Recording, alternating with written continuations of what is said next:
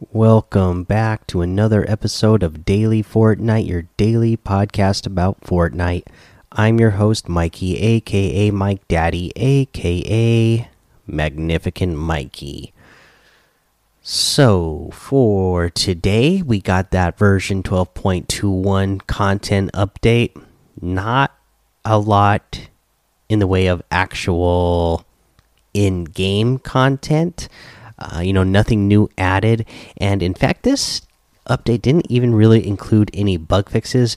Uh, the the Fortnite community pointing out the fact that uh, all these same issues uh, are still listed on the Trello board. None of them have been checked off, and uh, still the obvious issue with the harpoon.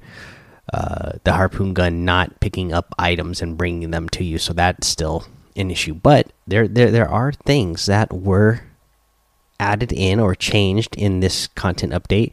Uh, first up, we have the Operation Knockout. This is you know one of the spy games. So compete to earn intel in a four-round bracket squad battle. The squad with the most eliminations at the end of the round moves on. The squad that wins the fourth round wins the match and earns the most intel, unlocking new tech to use in this and other operation modes. Respawn and ammo regeneration is on, and looting is off. Tech is active. And, uh, you know, I haven't played this mode yet myself, but I have heard uh, from uh, some of you in the Discord community that this is a pretty fun mode to play. So I'll take your word for it, and I will uh, definitely be checking that out sometime this week. Uh, other cool things that were added, and this wasn't even, uh, you know, added right away at the beginning. This, uh, you know, I got lucky that I didn't record until a little bit later in the evening, but we see some changes got added. Uh, or that there were some changes uh, to Fortnite competitive. So if you go to the compete screen right now, you will see that there are daily cat uh, daily yeah daily duos cash cups have been added. That's right, daily. They will be every day. Uh, you know, I only saw about this on Twitter, so let me kind of well, you're going. Uh, you know, over the details with me as I am learning them here. So here's the event details. We're giving away a cash prize to the winning duo every single day in this new tournament series. Only the top team wins anything, so play for first place. More details in the rules library on Fortnite.com slash competitive. Okay, yeah, it's just you know the the normal legal rules and whatnot. So yeah, yeah, so uh, but yeah, wow, this is really cool. Uh, tournament to play in every day, but only first place gets a prize. So that is whew, yeah, if you if you want to win a prize in the Daily Duos Cup, you really got to get your sweat on because you have to be in first place to win any sort of prizing. Uh, I don't know what the. I'm not going to scroll through everything here to see what the the prize is, but uh, daily cash cup, so that's cool. Uh, another big change is that the they changed the the contender cash cup uh, it is now, you know, it's still uh, duo on on Wednesdays, and uh, but now it is they combine. So what they what they basically did here was they combined the ghost and shadow. So now there's just one tournament to play in, but that means they doubled the the prize amount. So for whatever regions, say your region if first place was 2500 before now your region will get $5000 for first place. Or if you had a region where you were 3000 uh, now your your region's going to get 6000 for first place. And then all the other places uh, will coordinate uh, with that as well. So really cool uh, that they did that as well. So some really cool changes that they that we got going on to competitive uh, should be a lot of fun uh, seeing people compete through these uh, throughout uh, throughout the season. Let's see here. I guess that's all I really got for news. Uh, you know that they got the you know the the new game mode and uh, some cool stuff added for competitive there. Uh, let's see.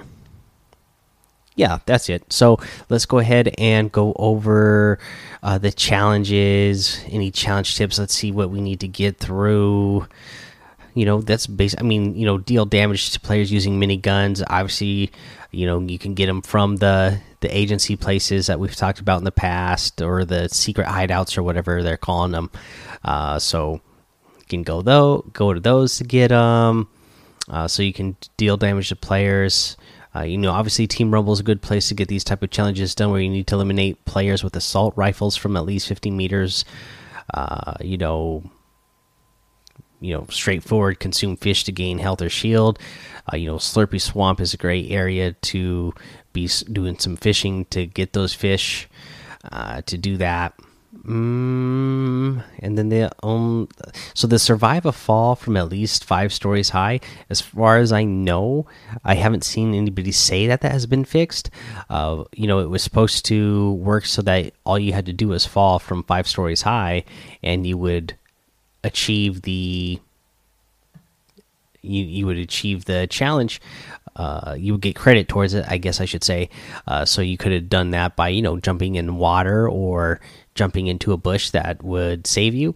Uh, but for some reason, the challenge wasn't working correctly, and you had to take damage for the challenge to work. Now, I mean, that's how it started out, and uh, as far as I know, that's how it still is. I haven't heard anybody say that that has been fixed yet. So uh, hopefully, that's a challenge that they will get fixed soon because it's it's actually kind of hard to fall from over five stories uh, without dying. Uh, but yeah, so everything else is pretty straightforward. Uh, so later on in the week, when we get new challenges, we'll cover those. So let's go ahead and take our break. We'll come back. We'll go over the item shop and a tip of the day as well. Okay, uh, you know what? I forgot to mention something in the news section, and that was that the legacy settings have officially been removed. So if you were uh, you know, a legacy uh, player, then you no longer have that. That has been officially removed. Uh, the use legacy look controls. Uh, so let's see here what they had to say.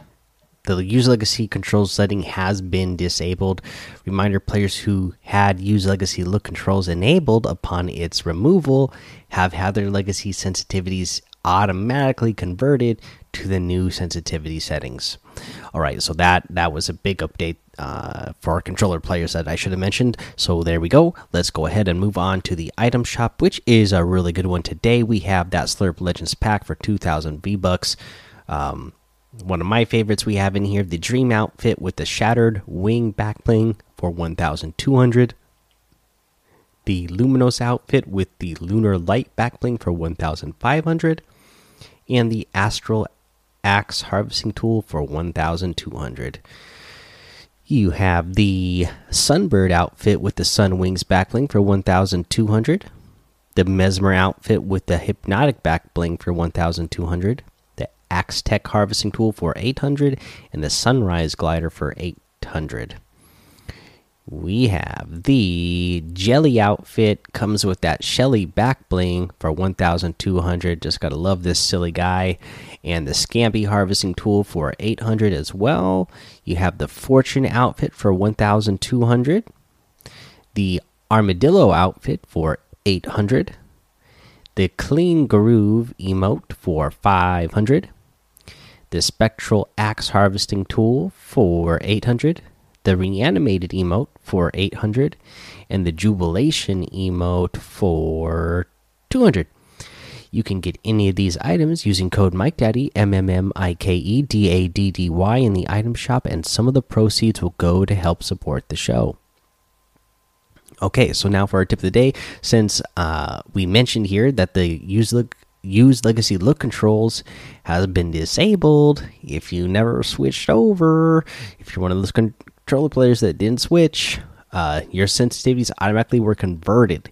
And I will say that uh, it's not perfect. It's not exact because when I converted back when the linear was first introduced, you know, I you, you had the option to to convert it, uh, and it felt it, it wasn't like really far off, but it didn't feel exactly right when I when I got it converted. I I had to get in there and you know mess around with the sensitivities a little bit uh, to get it to make it feel perfect again where I wanted it. So uh, the tip of the day is if you were if you're a controller player and you never switch those settings, uh, if it's feeling a little bit different, get in those uh, sensitivity settings and start adjusting them. This is a good time to do it now. Uh, that way you can uh, be the most comfortable that you can while you're playing the game and really you know have those sensitivities dialed in so that you can uh, you know you can look where you need to look too fast so that you can when you're when you're doing those flicks you'll really uh, know exactly how hard to hit your flicks and what direction to do them perfect so that way you're hitting those shots right all right so make sure you you get those settings adjusted accordingly all right, guys, that's the episode for today. Go join the daily Fortnite Discord and hang out with us over there. Follow me over on Twitch, Twitter, and YouTube. It's Mike Daddy on all of those. Head over to Apple Podcasts, leave a five star rating and a written review for a shout out on the show. Make sure you subscribe so you don't miss an episode. And until next time, have fun, be safe, and don't get lost in the storm.